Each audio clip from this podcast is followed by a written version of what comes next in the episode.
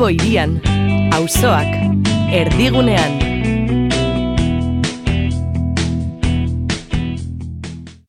Eskerra, eskerra, ukabilkada Lanaren ekonomia.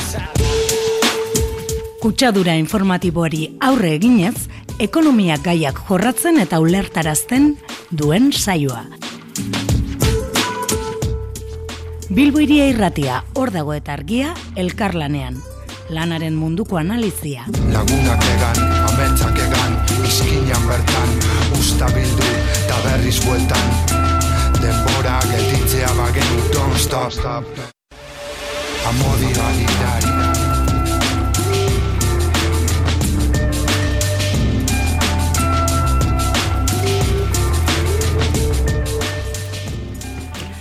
Hemen gagoz berriz Bilbo irian lanaren ekonomia irratzaioan aurrekoan e, gure ungarren saioa egin genuen, ospatu genuen eta gaur itzultzen gara, ba, bueno, betiko martzara eta gaurkoan gure monografikoa izango da, ba, Euskal Kostaldeko hauteskunde udal hauteskunde emaitzak e, aztertzea. Ezkerreko indar eta herri plataformen aldeko aldaketa eman da Euskal Kostaldeko hainbat herritan, besteak beste Sopela, Plentzia, Gorlit, Bermio, Mundaka, Gernika, Lekeitio, Pasaia eta Ondarribian. Eta, bueno, aztertuko dugu, ba, bueno, azken urteetako kostaldeko turistifikazioak emaitzetan izan dauen eragina. Horretarako, alde batetik izango dugu, Aitor Garagartza, Plentziako alkate barria eta analista politikoa. Ondoren, Eider Gotzi, sos gaztelugatze eta guen jein urdai bai, ez plataformetako, bosa, bosera maileagaz ere hitz egingo dugu, busturialdeko turistifikazioa eta baita ere sonaldeko udale maitzen inguruan. Eta bueno, amaitzeko argiako kolaboratzailea den iratila baienek, ba, bueno, gurekin partekatuko du bere hausnarketa oporren eta izialdiaren eraikitze kapitalaistaren inguruan. Eta bueno, betiko lez, e, azteko lanaren ekonomia, Inez e, Agirra Eskoenagak sindikala agenda aurkeztuko digu. Eta esan dudan bezala, ba, bueno, lanaren ekonomiaren eungarren irratizaioa ospatu genuen aurrekoan, eta orain San Ferminak arte, ba betiko lez e, oiko erritmora e, itzuliko gara.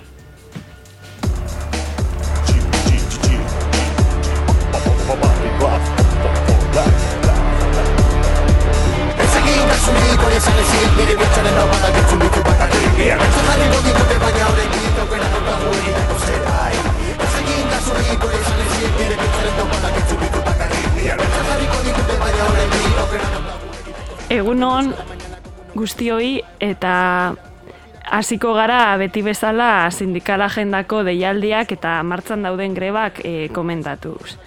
E, azken aldian esaten dugun bezala, Nafarroatik hasiz Lamorea H&M-eko langileek eunda laro geita iru egun daramatzate greban. Hau da, abenduaren bederatzitik euren lan baldintzak hobetzeko asmoarekin. Euskadi corrompiendo las ideas, tu cuerpo bilis, un pueblo que flaquea y mentira en su crisis. Gogoratzen dizuegu baita ere, implika enpresako langileen larogeita amargarren greba eguna dela gaur. Kaleratzeen aurka.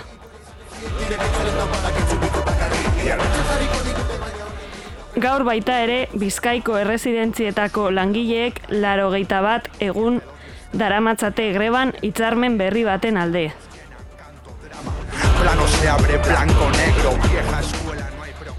Kartizako langileek hogeita maika greba egun bete dituzte, produkzioa guztiz geldirik lelopean.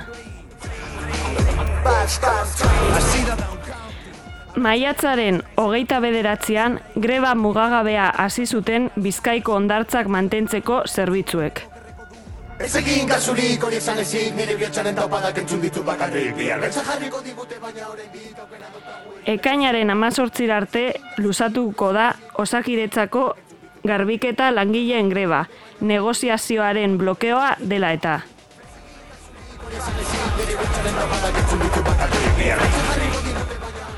Bilbao Kirolak erakundeko kirol instalazioez arduratzen diren lorezainek greba mugagabea hasi zuten ekainaren lauean. Langileek lanbaldintzak hobetzea eta hitzarmena berritzea eskatzen dute.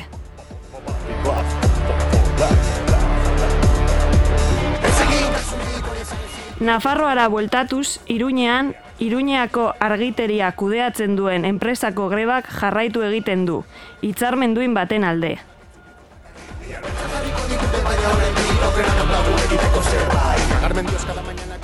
Araban sartuz atzotik aurrera hau da. Ekainaren zeitik aurrera gazteizeko tranbiako langileek greba hasi berri dute ekainaren amazeirarte. arte. Bi orduko lanusteak egingo dituzte egunero bai goizean, sortzi terdietatik amar terdietara eta bai arratzaldean. Lauretatik zeietara. Normal que estáis cuando hablan en milis de normalizar Euskadi corrompiendo las ideas. Tu cuerpo echa la bilis, un pueblo que flaquea y mentira. Iruñean ez ezik, tuteran ere hasiak dira ostalaritzako langileak mobilizatzen, hitzarmenduin bat lortu nahian.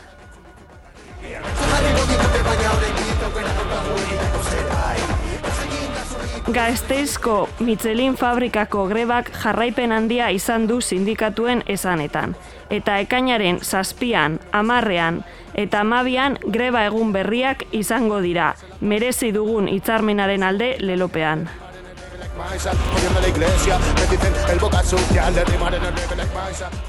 Espekulazioaren aurkako eta etxebizitzarako eskubidearen aldeko borroka legez kanpoko etxegabetzeen aurkako kanpaina burutu izan du azet alde zarreko etxebizitza sindikatuak.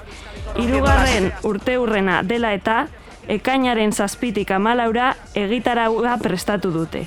Ekainaren bederatzean, kontzentrazioa eta ekitaldi politikoa egongo dira Bilbo Zaharreko plazan.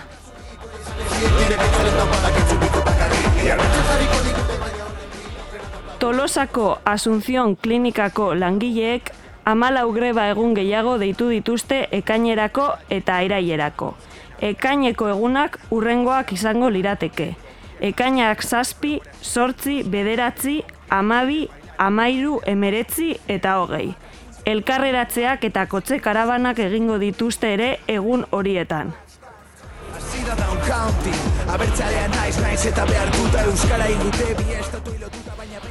Ekainak bederatzirako eta amaseirako lanuste eta mobilizazio deialdiak egin dituzte Bizkaiko eraikuntzako langileek. Ekainaren bederatzean mobilizazioa egongo da goizeko sortzietan San Mameseko metroan. Eta bederatzi terdietan Jesus bihotzaren plazan akordio du, duin baten alde.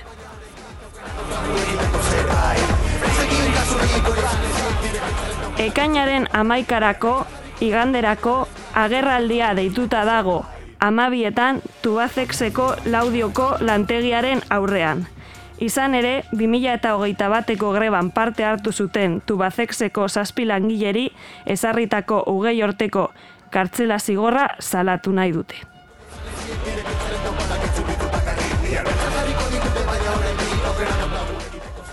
Eta amaitzeko, zarek eta hainbat sindikatu langileok etzera bidea agertu lelopean, mobilizazioak iragarri ditu bai Bilbon, bai Donostian eta bai Gasteizen ekainaren hogeirako goizeko amabietan. Bilbon albiako lorategian, Donostian alderdi ederren eta Gasteizen Andramari zuriaren plazak, ekainak hogei.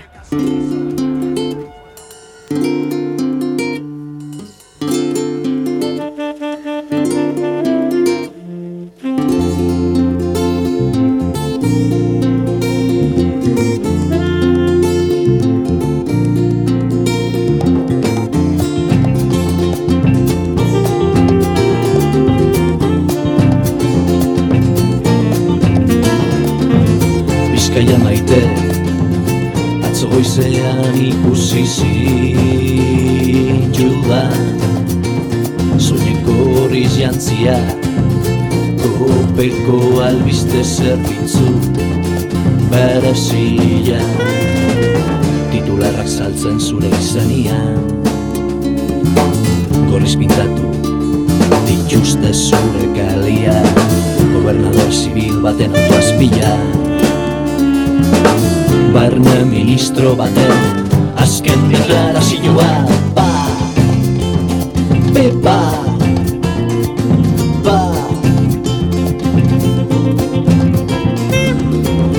Dira esmotan urtzen diren bizitza Gorri dira politikarien hitza Gorri zure zerraldo gainean Jarriko dituzten larroxak Gorri dira.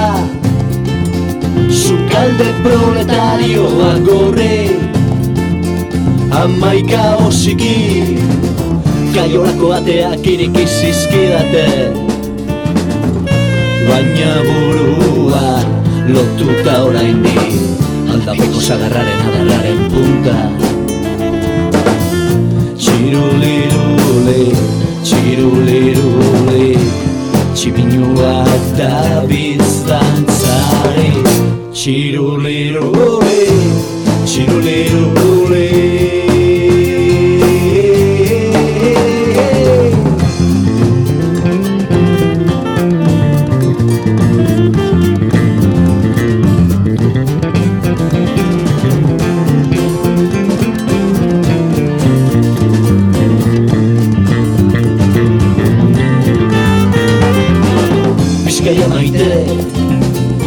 goizean ikusi zinjua Soineko hori jantzia Kopeko albiste zerbitzu Barasia Gorri dira esmotan, utzan diren bizitza Gorri dira politikarien hitzak Gorri zure zerraldo gainean Jarriko dituzten larroxak Gorri dira. Sukalde proletarioa gorri Amaika osiki Demokrazia Zure izania Saltzen duten kaka guztia. Ikusi ditu Atzekalia Gorderik dituzun katia Aldapeko zagarraren adarraren punta Puntaren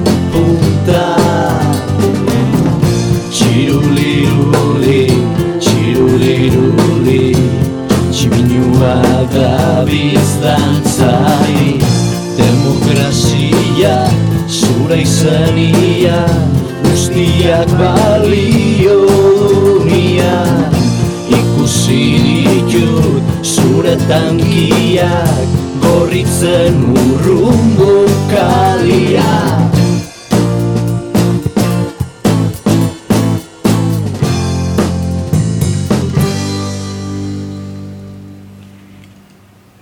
Bueno, bat gehiago taldearen gorri abestia entzun eta gero helduko diogu gure gaurko gai monografikoari. E, turismo gutxitzearen aldeko hauteskunde emaitzak euskal kostaldean eta entzule maitiak esarie konturatu azken hauteskundeetan gertatu dana agian hiri handietan baino interesanteagoa izan dela euskal kostaldean zeren eta ikusten badozuie sopelatik ondarri birarte herri guztiak edo ia herri guztiak zarautz eta donostiak enduta e, aldaketa politiko bat izango dute urrengo lau urteetarako eta hori posteko moduko e, zeo zer da eta horren inguruan hausnartzeko e, analista politiko e, oi, e, aspaldiko laguna eta baita ere laster plentxiko alkate barria izango dan Aitor Garagarza dugu telefonaren bestaldean egunon Aitor? Egunon Bueno, lehen da bizi, zorionak? Bai, mila, mila esker.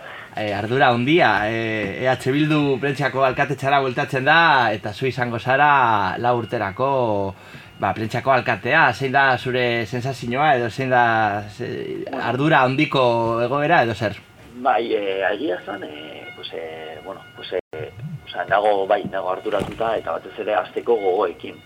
Ze batzutan, e, bueno, pues, e, hor egon arte ez dakiz zer egongo den, ni egon ezin egotzi moduan, ba, e, gobernatzen egon gara, baki zer den gobernatzea, baina, karo, horre, e, sartu arte, pues, pixkat e, sartzen dira, no? beldurrak zetopatuko duan, baita ni bizitzean zenolako aldaketak, zenolako aldaketa eraingo duen, eta guzti hori, pues, karo, dira, hainbat sentimendu eta emozio, pues, da, dituzunak horre e, gorputzean, eta, bueno, pues, hori hor arte, pues ez, ez dut jakingo zer den, baina bueno, pues, interin honetan pues, daude ez, ez atzera ez aurrera, eta gainera pues, gure udalerriak nahiko bereziak dira, ze azkenean e, pues, udalerri batzuetan uda iristen denean, pues, orain adibidez, baukate pues, pizkat kokatzeko denbora, baina ezke gurean, no, kostaldeko herrietan gastatzen dena da kontrakoa. Eta, eta horrek ere pues, sortzen ditu hainbat, e, no, arazo, kezi zaborra, kezi zarata, kezi ezagixer, bueno, pues, guzti hori ere kudatu behar da, udan orduan sartzen zara eta sartzen zara e, pues, euneko e, eunean. Udatiarrak zelan ez, e, plentxira datoz, eta alkate barriaren aradura baita, ez da, herritarrak soilik eta bereziki lehentasuna izan behar direnak e, udal politikan, baina plentxen e, udatiar asko daude eta e, atxo esaten zenidan bezala itor, plentxia daroa eun urte turistak eta udatiarrak hartzen, orduan, e, bueno, ba, betiko kontuak, e, era berri batean e, kudeatzeko edo alternatibak emoteko e, moduan zauziet, zauziet? Ba, bere, asunto hori, no, atzo justo berretan, eh, no, zantan izun, azkenan plintzia turismoa edo turismoa egonda, ondela, un urtetik ona. E, hori baita oso lotuta ekonomian egon ziren aldaketekin, plintzia bere garaian, e, bazituen astilleroak, ero horregontzan bilakera bat, eta astilleroak desagertzen diren enean, ere eskola de marinos, eta, bueno, azieran e, oligarkia etortzen zen, e, ura igarotzera, eta gero apurka apurka, bueno, zango gu nola baitek ongizak estatuaren garapenarekin ere, turismoan ere bilakera bat egon da. E, gero, e, gaur egungo turismo eredua aldatzen joan da ere, eta bueno, pues, e, guk joan gara ikusten ere, pues, zen nolako aldaketa, oza, gure herrian, e, turismoak biziz izan dituen aldaketak gu ere pairatu izan ditugu, eta gero bestalde badau, ez bakarrik uda igarotzera etortzen den jendeko puru bat etortzen dela, ez dakit, pues, eh, pasatzera hilabete bat, aste batzuk edo, edo bilabete, baita eh, plentzira edo kosaldeko hainbat herrietara egunero urdultzen dira hainbat pertsona, naiz eta gero alde egin. Horrek suposatzen duen guztiarekin. Eta, eta baita plentzian ez, baina, bueno, apurtxu bete, kostaldeko joera hori eltzen badiogu, em, ikusten dugu, ez? Ba, sopelan e, guruzne karrazon izango dela alkatea, EH Bildukoa elkarrekin Podemos egindako akordioare esker, su, plentxean e, ba, izango zara alkate, gorliz bizirik e, lene, plata, herri plataforma lehenengo inderra izan da, lemoizen EH Bildu alkatretza egatzen da, bakion amets jaure egizare atxe bildukoa berreskuratze, oza, mantentzen du barkatu alkatetxa, bermeon e, gusan herri plataformaren e, maitza honen ondorioz ba, e, aukerak egongo dira ba, gobernu aldaketa bat egoteko, mundakan berrogeita bihurtu eta gero ba, PNV udaletxetik kanpora doa, Sukarrietan berri plataforma bat irabazi deu, Gerniken EH Bildu lehenengo indarri, Barrangeluan herri plataforma armendu e, jarrituko deu agintean, Lekeition EH Bildu voltatzen da, Ondarroan EH Bildu mantentzen da, Beban EH Bildu alkatetza mantentzen du, Sumaia, Getaria, Orio, Eta bueno, Zarautz eta Donostiak enduta baita ere, bukatzen dugu ja Gipuzkoako kostaldea, pasaian EH Bildu alkatetza berreskuratzen dugu, eta ondarribian, abotxan hitz plataformak eh, berreskuratzen hartzen du aginte makia lehenengo biderrez. Orduan aitor, ez bakarri plentxeko alkate modua, maizik eta kostaldeko biztalde eta, eta militante politiko eta sozial moduan, e, ze puntura uste dozu joera orokor bat ikusten dugu lamen, eta ze puntura gaztien eta esen gaztien etxe bizitza arazoak, e, turistifikazioak, sortzen dituen ezin egonak, egon alda patroi bat hemen e, e, kostaldeko aldaketa politiko nahiko sendo eta ergi eta garbi honetan? E, nik uste dute, eh, nik uste dute, eh? Osa, herri bakoitza ditu bere bere zitasunak, eta udala horretan ere osa, horrek markatzen du markatzen du pilo bat, eh, herri bakoitzean nola izan diren, nola izan den agintaldi bakoitza.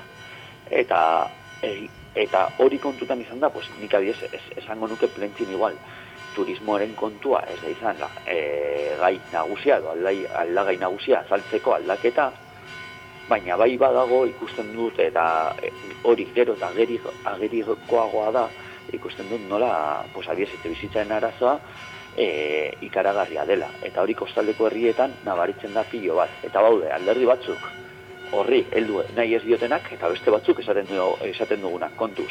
Eredu hau, behitzun nora eramaten ari gaituen. Kontuz, porque batzuk utzi dituzte, enpadiu turismo dela la, la gallina de los huevos de oro, eta beste batzuk esaten dugu, ojo, eredu hau, ondorio hauek ditu, ondorio hauek ditu, eta ondorio hauek ditu, eta horri, eta honi heldu saio berdin du, etxe bizitza, e, etxe bizitza legaren bidez, e, bestelako neurri aurrerakoiagoen bidez edo behintzate hausartagoen bidez, bueno, ba, ikusi behar dugu eta hor ba, ausarazo batzuk, non gu behintzat mantentzen, mantentzen dugun perfila da, bueno, hemen, e, ez da dana, ez, e, honek ez ditu ekartzen onurak, berez, eta baita sortzen ditu ere kalteak, eta horiek mai gainean jarri behar dira. Eta hori argita garbi izan behar da. Gero, jendea jakin behar du. hori nahi duen, hori bada nahi duen eredua, jakin behar du, hori bada nahi dugun eredua, honek ondorio hau ditu. hau aldatu nahi badugu, pues bestelako ondorioak ere izango ditu. Ez dakit azaltzen nahi zen. Bai, bai, bai, klaro, horra arazoa beta, eta ni uste dut plentxean gertatuko da zeo zer izango da baita ere, ba, kostaldeko herrietan horkorrean, da, egoten den arazoa da, nahiko e, eredu ekonomiko edo turistiko edo gutxienez erresidentziala gertatzen ari da, ez? Herri, herritarrak e, kanpora joan behar izaten dira, iriguneetara balanean, ez? Eta hor, berez horren ondorioz, ba, bizitzeko ga, e, zailtasunak egoten dira baita gehiago, e, pisuen, presioen gorakada dela, eta ez? Aipatu dozu, agian etxe bizitza legearen erabilera e, eta programatan ez duguna topatu, ez? Baina nahiko fresko-fresko dauen aukera bada gune tentsionatuak e, deklaratuz gero gure herriak, ba, e, presio, alokairuen presioak e, ezin izango dira igon. Eta horbe ba zeo zer e, e, beratzeko moduko neurri bada ba tokiko biztalderia geratu alizateko herrian bizitzen. Baina gero bueno bai ikusten duguna programetan bai H Bildu bai herri plataforman programetan bereziki adibidez pentsatzen nabil e, e, ondarribian irabazi dauen e, abotsan herri plataformak etxe bizitza eskubidea herritarrentzako izan da bere kanpainaren ardatza ez? Alokairu sozialaren beharra pisu publikoak eta kasu honetan e, incluso promozio berriak egitearen beharra herritarrak bizi izateko, ez? Eta bueno, bukatzeko azken neurria ez dakit zuek plentxatik eh, horrelako neurriak hartzeko moduan basauzie, pisu turistikoa, gerbeian be eta abarrek sortzen dauen, ba, e, e, gentrifikazioa, herritarrak, betiko herritarrak, herritik kanporatzeko joera, ba, turistak etorri alizateko, ez? E, pentsatzen dozu e, aukerak izango ditugula urrengo, urrengo hilabeteetan, ba, etxe bizitzaren hausian, ba, herritarren aldeko no, e, politikak e, egin alizateko? E, bai, oza, bez, nik uste baiet, eta gainera nik uste e, kuri, oza, izango zela, berdin du ez, alderdi dagoen gobernuan, kazu honetan nik uste dut e, kostaldean egongo dela e, alderdi aurrerakoiak eta nik uste dut e, EH Bilduz gain, pues, e, igual, no, batzutan muletekin edo muletari gabe, ordu nik uste dut, e, hor Euskal kostaldean, inkluso iparraldeko lagunekin itzein barko genuken, ez eta gero legislazioa desberdina izan, baina Euskal kostaldean etxe bizitzari dagokion, etxe bizitzarekin zerikusia duten politika usartak aurrera eman barritugu besteak beste, e, piso turistikoen e, asuntoan. Hor adibidez, bakit aurreko legealdian deba hartu ziren e, neurri ausartak, e, pixkat e, hori erregulatzera orduan eta hainbat e, pisu turistiko e, legez kanpo utzi, eta nik, nik uste dut, e, bueno, pues, e, izan bar gara ausartak, eta jendari izan bar diogu. E, gainera gertatzen dena gaur egun, gaine, e, pisu turistiko gehienak ez daudela, ez da legeare, legez barruan. Que berez ilegalak dira, hainbat, etxe bizitza turistiko. Bueno, pues joan barko gara aztertzen eta horretarako lehenengo izan bar dugu argazki bat, baina bai gustatuko litzaideak beste kontu bat aipatzea. Batzutan e, zentratzen dugu, no, e, turismoa eta etxe bizitzarekin zentratzen dugu beti eztabai da, ze e, berez etxe bizitza da oinarrizko eskubide bat, baina hortita eratago badaude bestelako e, bestelako, bueno, e, ondorio batzuk. Ai, ez gertatzen da, kostaldeko herrietan, ari ez, gu jartzen dugu diru hau dalkutzatik, bai, emoten digute diru partida bat e, ondartzi izatagatik. Baina azke gure herriak berez, e, ari ez plentsa, bos mila biztale baino gutxiago ditu. Ez du, ez du gainditzen bos mila biztaleko langa, eta horrek markatzen du dalkutzan jasotzen duzun diruan, diru kantitada, besteak beste baudu bestalde gai batzu. Eta gertatzen da, gure herrietan ari ez, biztaldegoa handitzen da pilo bat. Udan, iruko izten da, eta ez dugu e, diru kantitate beriziri jasotzen horrengatik. Mugikortasunan aldatzen da osa handitzen da. Eta ez dugu jasotzen eta ez dira zerbitzu bereziak mugikortasun zerbitzu autobus zerbitzu berezia jartzen gure herrietara. Eta horrek azkenen bultzatzen dutena da e, kotxe pribatuaren erabilera. E, kutsa, e, kutsa handitzen da ere. E, osa badaude e, ambulategi zerbitzua. E, claro, osea, gero kolapsatzen da eta gero ere ambulategia jendea oporretan doa, oza, eta oporre, oporretarako eskuia daukat ez dakit, esan nahi duena da, eta ez dakit azaltzen nahi zen, azkenan, etxe bitziza politika, politiketatik aratago, bestelako neurri ausartak ere hartu barko ziren, eta hori batzutan, e, gauza batzuk udaletaren eskumenak izan daitezke, baina beste, beste neurri batzuk diputazioarenak edo eusko jaularitzarena, eta nik uste dut hori, e, hori mai gainean jarri bar da. Claro. Bai, oso ondo, aitor, eh, garraioa, zerbitzu publikoak, eh, kasu honetan, iruko izten dan biztanleri bat, ba, plentxean bezalako herri eh, zain handi batean, ba, deiru partida altuagoak ongo beziren, eh, eh, sasoian sasoiko, biztanle, sarritan, gehienetan bizkaitarrak diren biztanle horiei, ba, zerbitzuak eman izateko, ez bakarrik eh, ambulategietan, baita zaborbilketan, eta abarreko, eta abarreko kontuetan. Eh, eh, bukatzeko, aitor, em, E, Partido Nacionalista Basko, e, gu hemen, e, e, Bilberi irratian, kafean txokin hemen, e, bezinoak e, dugu Sabinetxea. E, ba, eus, e, bere garaian EH Bildu eta Alderdi Sozialistan artean bultzatutako Euskal lege, e, etxe bizitza legearen aurka, agertu zen, konstituzionalera eraman zuen PNV-ek e, lege hori, no, ba, adibidez pisu utxak zergapetxeko gaitasuna emoten bien lege hori, orain arro aldarrikatu da bena era nahiko ziniko batean, eta bueno, bukatzeko azken lege e, aurrerakoia, bueno, ez, ez oso erradikala, baina mentxet zenbait neurri sozialak eh, baneratu ditun etxe bizitza, Espainiako etxe bizitza legearen, aurka berriro agertu da Partido Nacionalista Basko, eta ai, hor, gure sorpresa, orain Euskal Kostalde osoa galtzen du PNV, que uste duzu politikoki turistifikazioan aurkako borroka eta kasu honetan e, Euskal Kostaldearen e, ba, bai e, herri, bai hirien arteko eta oso interesante bai iparralder arte hor dakoien e, turistifikazioan aurkako borrokan eskarmentuarekin ba, posible izango dugu e, gatazka politikoa eskalatzeko eta bueno, ba, alderdi nazionalista e, disputatzeko, potera disputatzeko baita hiria handietan eta baita e, ba, erakunde e, foral eta autonomikoan.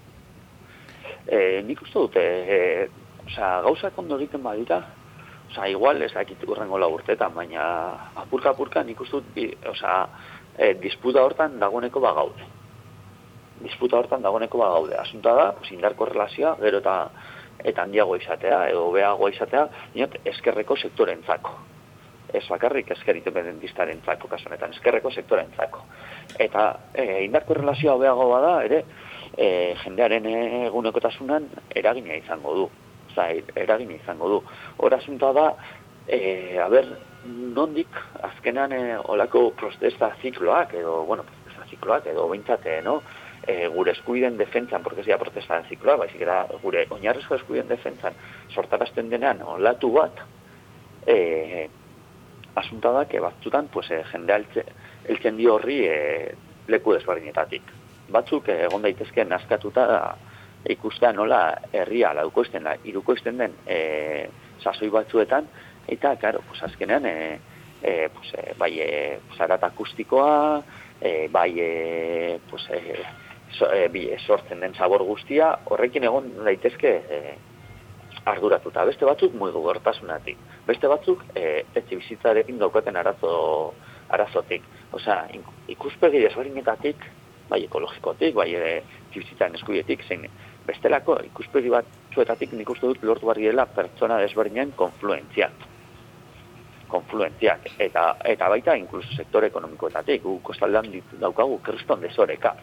Kriston desoreka sektore nagusia izaten da normalean e, e, zerbitzu sektorea askotan entzun izan dugu gure herriak horretaz bizi direla, gure herrietako per, e, e, da, gure herrietako sektore nagusia da, baina gure herria ez da bizi horretaz. Eta hori ere jendea jakin behar du. Osea, gure biztaldegoaren euneko handi bat, laro gehiago izango dut, holan buruz, e, inkluso gehiago, lan egiten du eta e, gure herrietatik kanpo. Eta gure herrietan sektoren artean kriston desoreka dago, lehen sektora desagertuta dago. Adibidez, hainbat herrietan, ia, ia herri gehienetan, bueno, nik uste dut konfluentziak lortu behar dira hainbat tokietatik. Inkluso, pues hori, zerbitzuetako sektore, sektorek ere nahiago dute ere e, er, osa, lan egitea urte osoan zehar, osa, orekatu hau izatea eta ez izatea udan daukaten askunde ikaragarria, osa, bueno, pues hori ikusi behar da, zen ere, zen olako herri eredua nahi dugun, hori da, e, edo ze kostalde eredua nahi dugun, eta noren mesedetan hori da dagoena horre jokuan. Bueno, ba... Ez dakite, azaldu Oso- nahi zen. Ba, oso ondo, Aitor e, Garagarza, e, e, gure gainetik izarrak bakarrik, e, e, orain e, herriaren mesederako e, udal politika eta nazio politikaren ba, adierazle bat e, e, izatea espero dugu, zu, e, zure ibilbide militante sozial eta politikotik, ba orain e, ardura instituzional horretan, ez bakarrik kudeat keta kontutan eta e, odi bat apurtu dala edo udatiar batzuk e, txakurrekin dekoien gatazkan egotea, baizik eta hori, ba, eraldaketa politiko eta ekonomikorako, ba, pentsiko dala eta orokorrean e, kostaldeko herri errebelde guzti horien artean, ba, ba, ira, e, garaipen handiak e, laster e, ikustea. Bai, e, gauzatu bat, e, justu esan duzu hor, e, esan duzu, no, gauzoki e, odi bat apurtzen denean, eta eta ana, pues, hori ere batzutan e, ba, pentsatzen dugu gestio utza dela, baina kontuz, eh? Odi baten konponketa ez da gestio utza. E, azkunak esaten zuen que a la gente le importaba más la bandera que la cera. Baina la, la, el arreglo de la cera también es bandera, porque ez da berdina, segun nola egiten diren lizitazioak, ea horren atzean zerbitzu publiko bat dagoen, edo e, no, kudaketa publiko bat dagoen, non langile publikoak egiten duten odi horren konponketa, edo ez. Ze gero, hortik dator ere, e, batzutan, e, ustelkeriaren e, jatorria, eh? nola egiten diren lizitazioak, zergatik lizitatzen diren horreko publik zerbitzuak, eta horren atzean batzutan, eta ostar zelaietako indela gitzi izan zuen ustut el salto egindako elkarrizketa batean, que batzutan e, ez dugu pentsatzen ari ez una gran empresa de obras públicas sin más, besterik zan apunte bat, e, sin más baina kontutan izateko, eh? Vale. Eta bai, bat nator zurekin, eh? Eta mi asker. Ba, ondo, ba, oso, oso ondo aitor, e, egunerokoan be bai, e, e, erabaki txiki horietan be bai, ba, beste kultura politiko baten sorkuntzan, ba, sorte handia, eta bueno, ba, jarraituko dugu, jarraituko, jarraituko gara harremanean. Vale, ba, mi esker. Ondo izan. Baina, musu bat, agur.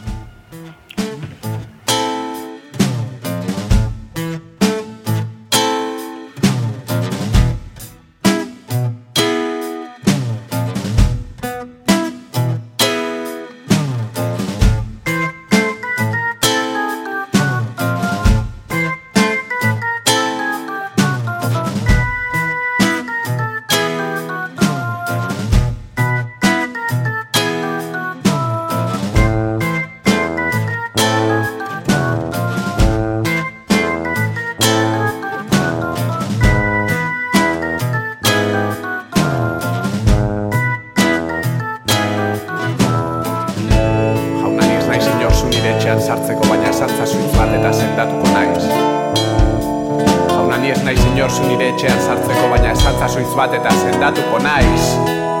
Salbu! Salbu! Where are you going, my friend? Where are you going, my friend? Where are you going, my friend? Where are you going, my friend? Jauna! Jauna! Jauna! Jauna! Where are you going, my friend? Where are you going, my friend? Where are you going, my friend?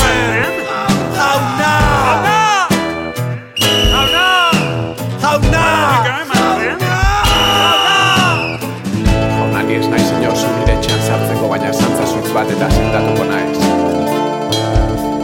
Jauna, ni ez naiz inor zu nire etxean sartzeko, baina santza zuitz bat eta sendatuko naiz. Salbu! Salbu!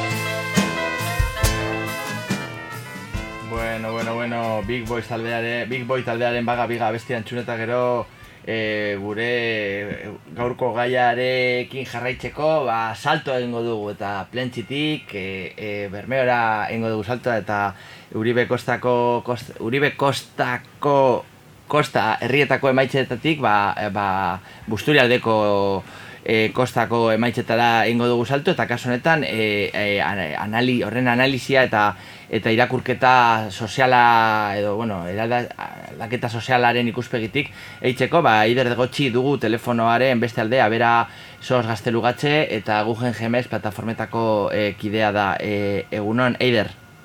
Bai, egunon. Bueno, bueno, bueno, ba, e, e, aurretik e, plentxako alkatearekin egon gara, eta orain, ba, zu e, militante eta plataformako kide moduan, ba, e, gustatuko litzai guke apurtxo bat, ba, zugaz e, komentatzea, ez? E, badakigu turistifikazioaren e, e, ba, oso leku simbolikoa izan da e, azken amarkadetan urdai bai, e, talka handia, eh, esaten dituzue baita zain dezagun urdai bai elkartetik, ba, legediaren aldetik, ba, batxutan, e, e, Partio Nazionalista Basko kindako e, turismo proiektuak ba, ilegalak izaten direla, edo, edo borroka juridikoetan, bez bakarri borroka sozial edo politikoetan e, kokatzen da apurtxu bet gatazka, eta kasu honetan, ba, e, orain, e, e, e, hauteskunde maitzak ikusita, e, ba, ikusten dugu, e, adibidez, ja, e, eren egun, ba, etorri dela, e, murueta eta gernikan arteko, ba, gugen proiektuko bi egoitza horien arteko bide berde hori, e, ba, paralizatu du, duela Eusko Jaularitzak. E, ze balorazioa egiten duzue Google GMS plataformatik e, paralizazio horren inguruan? Bueno, gu berria ikusi gendunean postu ginen e, egia esateko e, proiektu hori Bueno, guen jein urdei bai proiektu osoa inorkestu mai gainean jarri. Guri mai gainean jarri digutena da proiektu hau satika eta aipatu dozun bia berde hori, e, pasealeku hori, hori izango litzateke proiektu honen zatitzo bat. Eta proiektu honen zatitzoari e, beste guztiei bezala guk e, alegazioak aurkeztu genizkion. Eta gure alegazioetan e, palafito deritzon pasarela erraldo joni, bi koma hogei metroko zabalera edukiko lukena eta iru metroko e, altueran zintzilik egongo litzatekena padura gainean, gu kalegazioak aurkeztu genion, e, genizkion e, gure oposizioa erakutziz. Eta bueno, ba, posti gaudez, e, badirudi, e, alegazio horretan esandakoa kontutan eduki direla. Eta bueno, hori hori izango litzateke bidea. E, ezin dan lekuan, e, ezin da egin, eta hori hori argi gelditu behar diaku.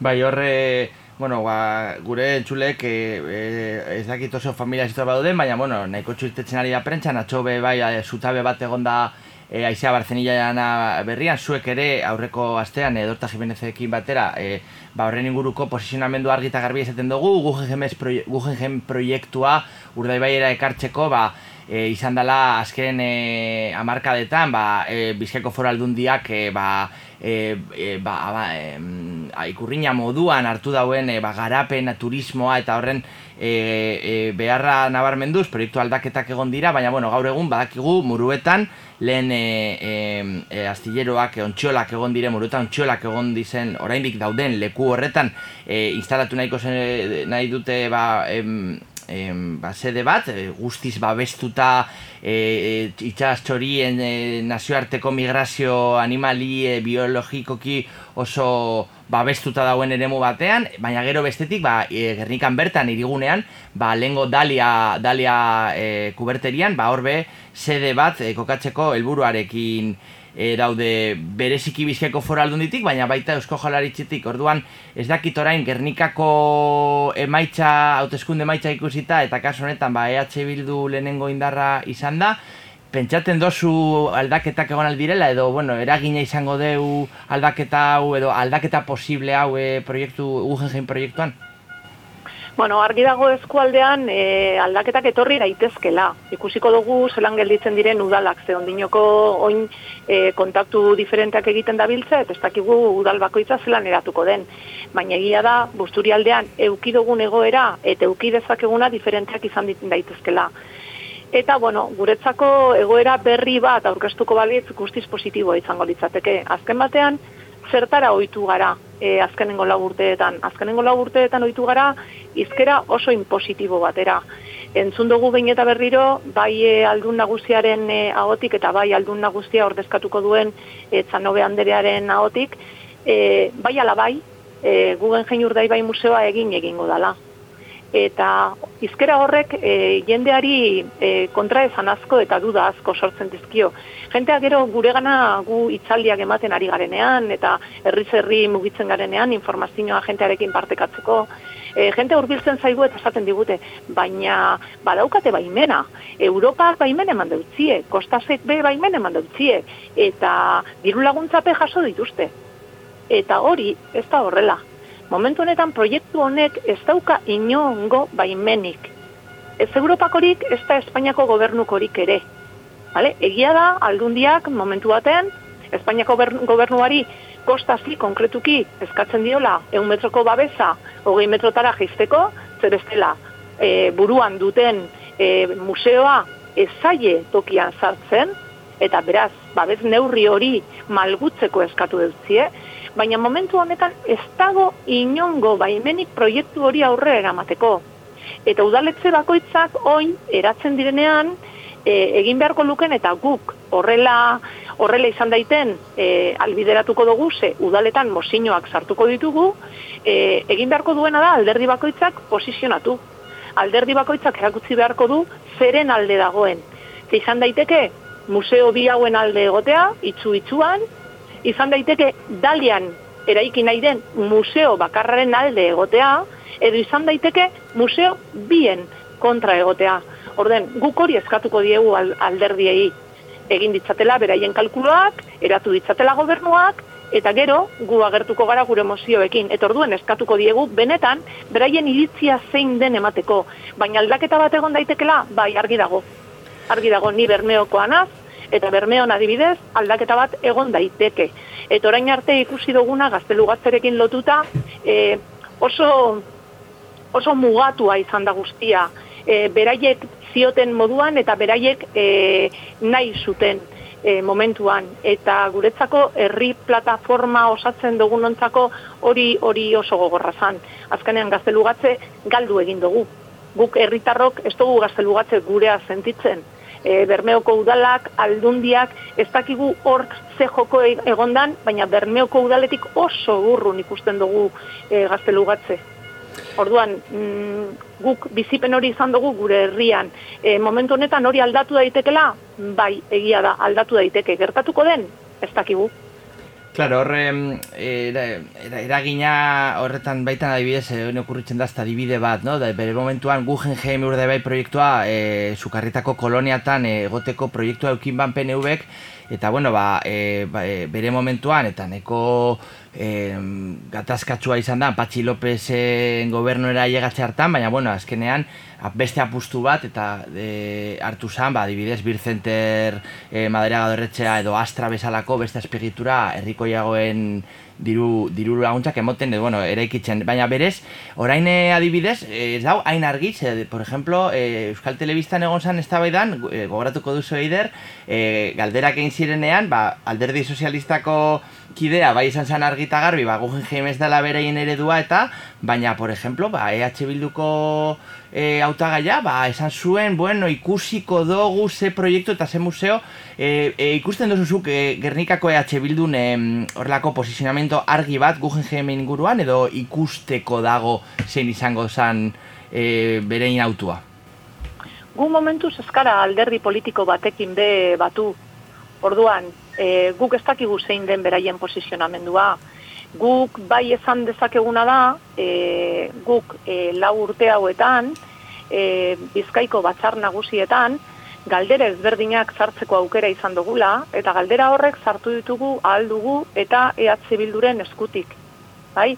Eta galdera hoietan, e, beti jaso ditugu erantzun, erantzun berdinak, ez alde batetik, proiektuari buruz galdetzen gendunean, ez ziguten proiektu hori ezale existitzen, beraiek ez zeukatela proiektu honen berririk, Baina baita be beste galdera batzuk egin genitun. Ze horregon zan, e, aurkezpen bat, un, e, una irrementeriak e, berba egin zuenean, ja proiektua mai gainean jarriz, esan ez e, bera aldun nagusi moduan errespetu itzela e, zeukala erreserba honetan, eta berak baino erre- errespetu berdina bai, baina gehiago aber nork zeukan, eta bueno, olako gauza potoloak esan zituen, ezta? Eta guk hori gero, proiektu amai gainen jarrita gero, e, legitimitateari buruz galdetu genduen. Eta galdera hori, alduguko bosera maileak eraman zuen batzar nagusietara, galdetu egin genien, zen legitimitaterekin eraiki, eraiki dezakezu zuek museo hau. Eta pezoeko e, bosera maileak erantzun zigun kasu horretan, eta pezoekoak erantzun zigun e, bosken legitimitatearekin. Eta kontutan eduki behar dugu oindala lagurte, ez EAJak, ez PSOEk, ez zutela beraien programan museo hau sartu. Eta horren arira, gero, Unai Rementeriak beste erantzun bat eman zigun. Porque nosotros hacemos lo que prometemos y más. Eta más hori, suposatu behar dugu guen jein urdaibai museoa dela. Hemendik zer atara nahi dut, ba pezoek hautezkundeetan bere iritzia aldatu egin duela. Ze Bizkaiko batzar nagusietan eman dizkigun erantzun guztiak museoaren aldekoak ziren. Eta gero hautezkunde kanpainan hor ikusi dugu olako biraketa bat egin duela. Orden, hori hori argitzea bai gustatuko litzaiguke. Ze ikusten dugunez, oin be batera eratuko dituzte gobernuak. Orduan, hori argitzea guretzako garrantzitsua da. Ondo, eta, eta bukatzeko eider, e, aipatu duzu bermeo, mundakan bebai, bueno, ba, panorama, tokiko panorama politiko aldatuko da, eta Mikel Bilbao alkatoriaren plataforma ba, bizi negotxea lortuta, ba, EH Bildurekin akordioa egotea, ba, nahiko, nahiko arro ikusten da joera da, baina bermeon dago apurtxu bet gauza e, ba, e, irekiagoa, ez? Aritza baroa alkateak e, gehiago absolutua galdu deu, eta bueno, EH Bildun eta gusan plataforman arteko ba, negoziazioak diren bitartean, e, aipatu duzu gaztelugatze sakrifikatu dutela, ez? E, foro aldunditik eta berez turistifikazio ba, basatia gertatu dela gaztelugatzen, bermeo e, esku, e, eskualdeko piso turistiko gehien duen e, iria da, e, txelako aurriko espena egiten duzu e, zu bermeotarra izan da baita ere ba, bermeoko politikan. Bueno, a ber, guk ikusten duguna da, Bermeon aldaketa bat ja egon badagola. Azkenean e, majoria galdu du. Eta guretzako hori gauza garrantzitsua da. Ze orain arte dana zan, balen esan dodan moduan. Bai, nik nahi dodanean, ez, nik nahi dodanean, eta nik nahi dodan moduan. Hori amaitu da. Hori amaitu da. Maioriak ez dira onak. Orduan, oin negoziatu egin beharko da. Zelan egiten diren negoziazioak, hori ja politikoen esku gelditzen da. Baina maioria bat ja amaitu da. Orden negoziazioak onak izango dira, eta uste dut hor herritar guztiak irabazten irtengo garela. Ze hor, hiru alderdi ditugu, eta hiru alderdien artean, suposatzen dut, herritarrei begira jarriko direla. Eta orain arte, horren falta somatu dut nik pertsonalki. Ni e, bilkura bitan egon nintzen, zoz gaztelugatze e, plataformako ordezkari moduan, eta bilkura horietan emandako tratuan niri ez zitzaidan bat ere gustatu eta hori da faltan botatzen dodana. Azkenean agintariek e, olako botere bat dutenean zelan tratatzen duten herritarra. Astu egiten zaie herritarren aginduetara daudela. Egite herritarre jarri dituztela hor eta herritarren onena aurkitu behar dutela. Eta ipatu dozun turismo masifikazioa dela eta gure eskualde guztia 2018tik turismo masifikatuaz jota dago ez da gaztelugatze bakarrik. Gaztelugatze 2018an izan zen bun bat. Uda batean irun mi, irureun mila pertsona pasatu ziren gaztelugatzetik. Horrek suposatzen dauan guztiarekin. Baina horrezan gelditu, guztialde guztira zabaldu zan. Eta orduan, Eusko Jaurlaritzako e, ingurumen zaieko e, urdaibai biosferari dagokion agintariak, ikerketa bat egiteko eskatu zion enpresa konkretu bateri. Enpresa katalan bat da, Intzu Destination Research and Consulting in Tourism. Eta 2008an e, inkesta hori, ikerketa hori egin zan. Eta ikerketa horren emaitza publikoak dira. Eta ikusi dezakegu, e, Busturialdea, museo barik gaur egun gauden moduan egonda, masifikatuta gaude. E, kapazidade karga deitzen dotziena, e, sama almena gaindituta daukagu. Beraz, hori da gaur egun daukagun egoera. Horrerik gehitu behar dotzagu zuk esan dozu moduan, e, etxe bizitza turistikoen kontua. Etxe bizitza turistikoen kontua adibidez, Bermeon e, gehitu egin da, gehitu da itzel. Bizkaian, getzoren aurreti jarri gara. E, gehien gehitu da herria izan gara. Eta horrek ondorio batzuk ditu. Gure ustez, e, ordenantza bat eskatzen du, eta ordenantza hori udalen esku egon behar da. E, badakigu lekuan leku, baldintza ezberdinak daudela, eta ordenantza hauek ezberdinak izan daitezkela. Baina ardatz batzuk e, bete behar dira. Eta eraikin bat bakoitzean dagoen e, etxe bizitza turistiko kopurua, bizitokietako araudien errespetua, lizentziak, baimenak, bizigarritasun baldintzak, guzti horrek kontutan euki behar dituzte udalek eta arautu egin behar dira. Eta argi dago, bai bizkaiko eta bai kostaldeko herrietan, e, arazo hau, turistifikazioa e, egondan herrietan, e, etxe bizitzaren alde lan egin duten bai alderdi, bai plataforma, bai e, taldek, e, zaria jaso dute. Orduen, herritarrak benetan arduratuta daude kontu honekin. Gure seme alabak, gure herrietatik irten egin behar dira. Ez dira gai alokairuan pisu bat hartzeko. Pisu horrek hartu dituzten prezioak em, ez dira arruntak. Eta ez daude guztien eskura. Eta azkenean gure herritarrak e, kanporatu egiten ditugu beste batzuei kabida emateko. Eta hori da, hori da begiratu beharko geunkena. Azkenean, e, turistak guztiok gara turistak, baina herri baten bizitza herritarren esku dago. Eta herritarrei begira e, egin beharko litzateke. Eta hori da garrantzitsuena, herritarrei begira ematea urratzak. Bueno, ba, Eider Gotxi, eh, sos gaztelugatxe eta Guggenheim urde behi ez plataformako kidea. Eskerrik asko Bilboirian izenean eta bilbiriako entzuleen txako ba, zure, zure aldarrikapenak e, gurera ekartxagetik. Bale, mila esker zuei. Gerarte.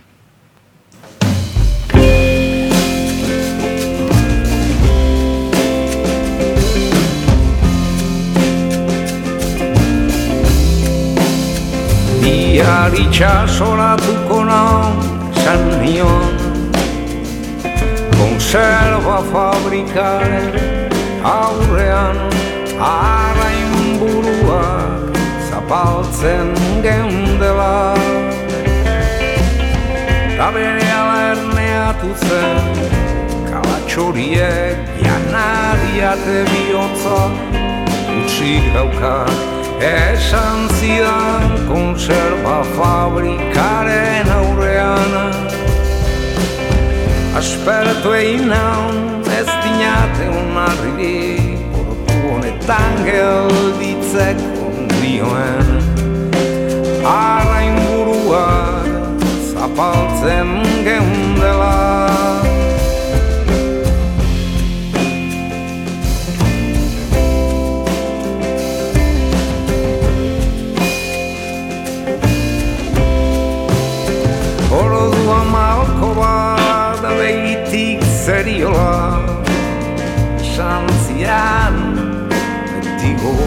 gogoratuko hau Konserva fabrikaren aurrean Baina oroitzekotan obeidi horik gabe Esan nion obe gauzak astutzea Arrain telefonoaren bestaldean daukagu irati labaien, argiako kolaboratzailea, barkatu irati berandu gabiltza eta amaikak eta laurtenetan izan gara zurekin kontaktatzeko, baina lusatu egin zaigu. Lasai, lasai, arazorik ez. Bai, bueno, komentatzen nuen bezala, argiako kolaboratzailea, eta, bueno, e, azkenean artikulo bat egin dozu, non hausnartu dozun, ba, aizialdearen inguruko hainbat hausnarketa egin dozun, ez? Eta, bueno, horrez gainere, ba, apor, ap, e, oporrak antolatzearen inguruko hainbat gogo eta ere planteatzen dituzu. E, hori ba, da. hori da, bai, konta iguzu, hori buruz. Ba, egia da, e, ez dela gai bat e, nik lantzen dudana e, normalean, baina bai da egia, ba, ba, aste santuen bueltan, eta orain uda datorrela ere, ba, ba, badagoela olako onik sentitu izan dut olako presioan, presio moduko bat, ez? Eta inguruko lankideekin eta bar e, komentatzen ez da, eta karo, pues, azkenean aizi aldiren denbora horrek ere, ba, ba erabateko lotuta dauka gure lanaren lanarekin daukagun den, denbora horretan, ez? Eta baita ere denboraren kudeaketan eta horrek ba, no, ba, ba eraman ninduen baita ere hausnarketa ba pixka bat e, sakonagoak sakonagoak egitera eta incluso e, ikustera ba jende mordo bat dagoela kontu honekin e, ikerketan, ezta? Eta eta benetan harritu ninduen e, gai bat izan zen eta interesekoa dela iruditzen zait gainera. Bai, ez, eta gero, honez gainere, ba, bueno, hori izan dozu, ez, aizialdiaren kudeaketa ere, baita ere, ba, denporaren kudeaketa ere izan daitekela, ez, edo lotu genezake, eta bai, komentatzen duzu, ba, bueno, ba, betidanik ere existitu izan direla honen inguruko, ba, hainbat, eh, hausnarketa filosofiko ere. Ba, hori da, eta gero, egia, ba, ziurrenek ere, gure, gure aitona monen garaien, ba, aizialditaz gutxi iten gozan, ez? edo igual izango zen zerbait, ba, agian beste ba, goi klasekoek egiten zuten zerbait, ez? E, ziurrenik ere, ez?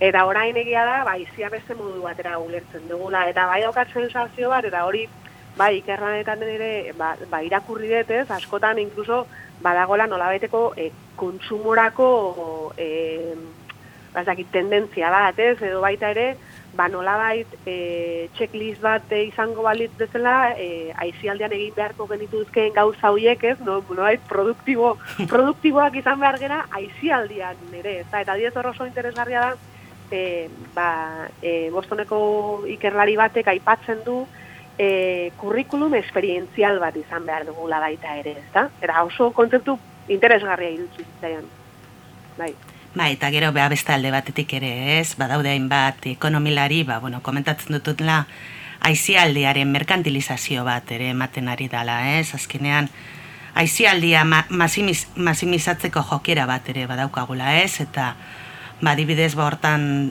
hori ere komentatzen dau, ba, jamermez ekonomialariak, ez? Komentatzen duzu. Hori da, bai, ba, ba, berak eh, komentatzen du ez, badauka liburu bat, ba, pixka bat e, denbora pasatzea, edo, bueno, ez, denbora pasatze hortan, ba, komentatzen du askotan, e, e, gauza, gauza pila bat ditugula, ez, erosten ditugula, eta gero ez daukagula denborarik, gauza edo zerbitzu horietaz disfrutatzeko, ez, aldi beren, eta odun, ba, ere bada, nola dait, e, ez, hori, ba, lankidekin ere komentatzen un, ez, eta nun, ez, kapitalismoak, nahi ditu kontsumitzaileak, ez? Nahi ditu kontsumitzaileak ze hori ba ba bizitza e, kontemplatiboak ez du ez du ez du etekinik ematen, ezta? Eta eta ziurrenik ere hor ba pixka bat hausnarketa hortan ba erroetara joan beharko nuke zer zer egiten non pasa nahi dugu denbora, ez zer egiten gaitu benetan zoriontsu edo lasai bizitza bintzat, ez? Edo ez dakit, bai. Eta hori, pues hori, ba, bat, eta, eta nik ere inguruan ba hori entzuten dudana ere ez askotan naiz eta hori e, iker, ikerketak irakur ditzakezu baina gero observazio bat ere badago ez askotan nik, inguruan ikusten dut ba igual nik nerabetan parkean edo banku baten iseita dute bali manitzen orain badirudi badagoela olako tendentzia bat ba erropa erostera juteko edo ez edo kontsumitzea juteko ama bostama urtekin ez desate hostia Badago hor baita ere e, zerbait oso potentea, ez? E, kontsumitze horretan aizialdean. Bai. Ba, jori da, ez, azkenean, ba, zuk esaten duzuna, ez, erroko hausnarketa bat egin beharra daukagula, eta, bueno, azkenean, apur bat hausnartu, gelditu, eta erabaki, ez, askatasunez. Hori da, bai, bai, eta horrek, egia, ba, pixka bat, e, ba, inkomodoa dala, ez, askotan pentsatzea, jo, zer egin, ez, Nor, norberaren barrura begiratze horrek batzan, beldurra emateik, no, ez? Mm -hmm. zer egin nahi dut, eta zertan pasa nahi dut denbora, ez, eta, Eta horra askotan inkomoda, ba hori, ba, nahi gabe igual eh, eh, jarraitzen dugu olatua, ez? Gizarteak markatzen digun olatu hortan e, bagoaz, ez? Baina batzuan igual gelditzeko, gelditzea eskatzen du horrek, ez? Hausnarketa horrek eta batzuan beldurare emateu. Baina, bueno, egia da, e, nik uste nuen bazela olako gai, ba, nahiko, bueno, simplea edo, ez? Baina, baina jendearekin itzen gero, badago, bai. mugitzen duen gai bada, bai, bai. Bai, bai, ez, eta askorak, askotarako ematen dagoena. Bai. Bale, bai, iratila bai. baien, eskerrik asko gurean bai, izatearen, eta osnarketa konpartitzaren. Bai, bai, mi eskertzei, bai, bai gerarte, agor, agor.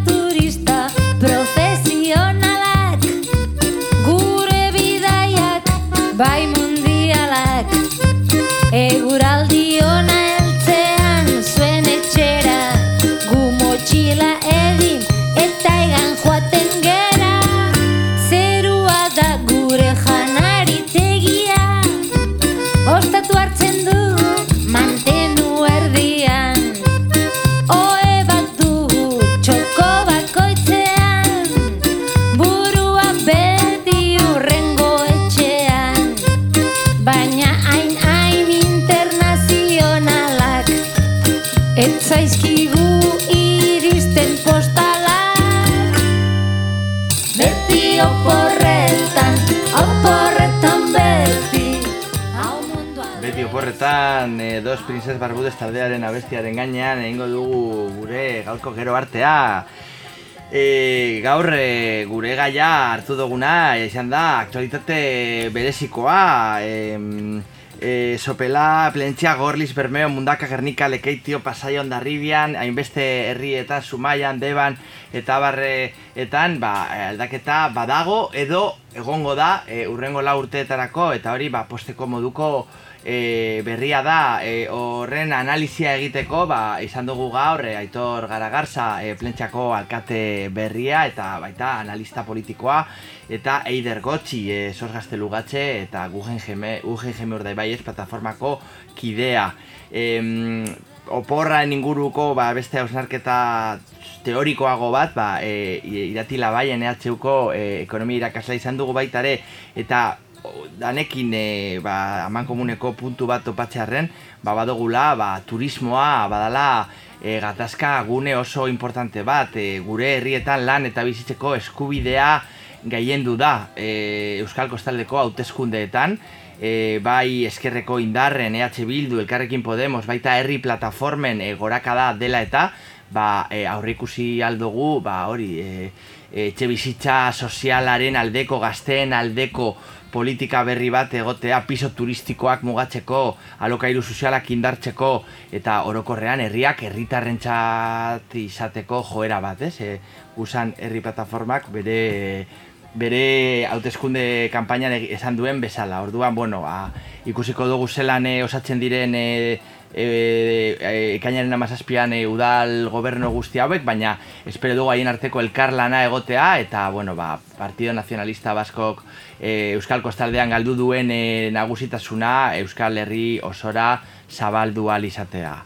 Horren alde, e, arraun, arraun eta arraun jarrituko dugu baita lanaren ekonomia saionetan, eta, bueno, esker mile zuei, e, Ibon Burgoa, ean ezabala, e, Bilboiriako e, langile eta eta militante guztiei, entxulei, eta bueno, orokorrean, eta betiko ere zuei e, entxule maitia hor jarraitxagatik. Gero arte. Auskalo non gauden baina ziur udadala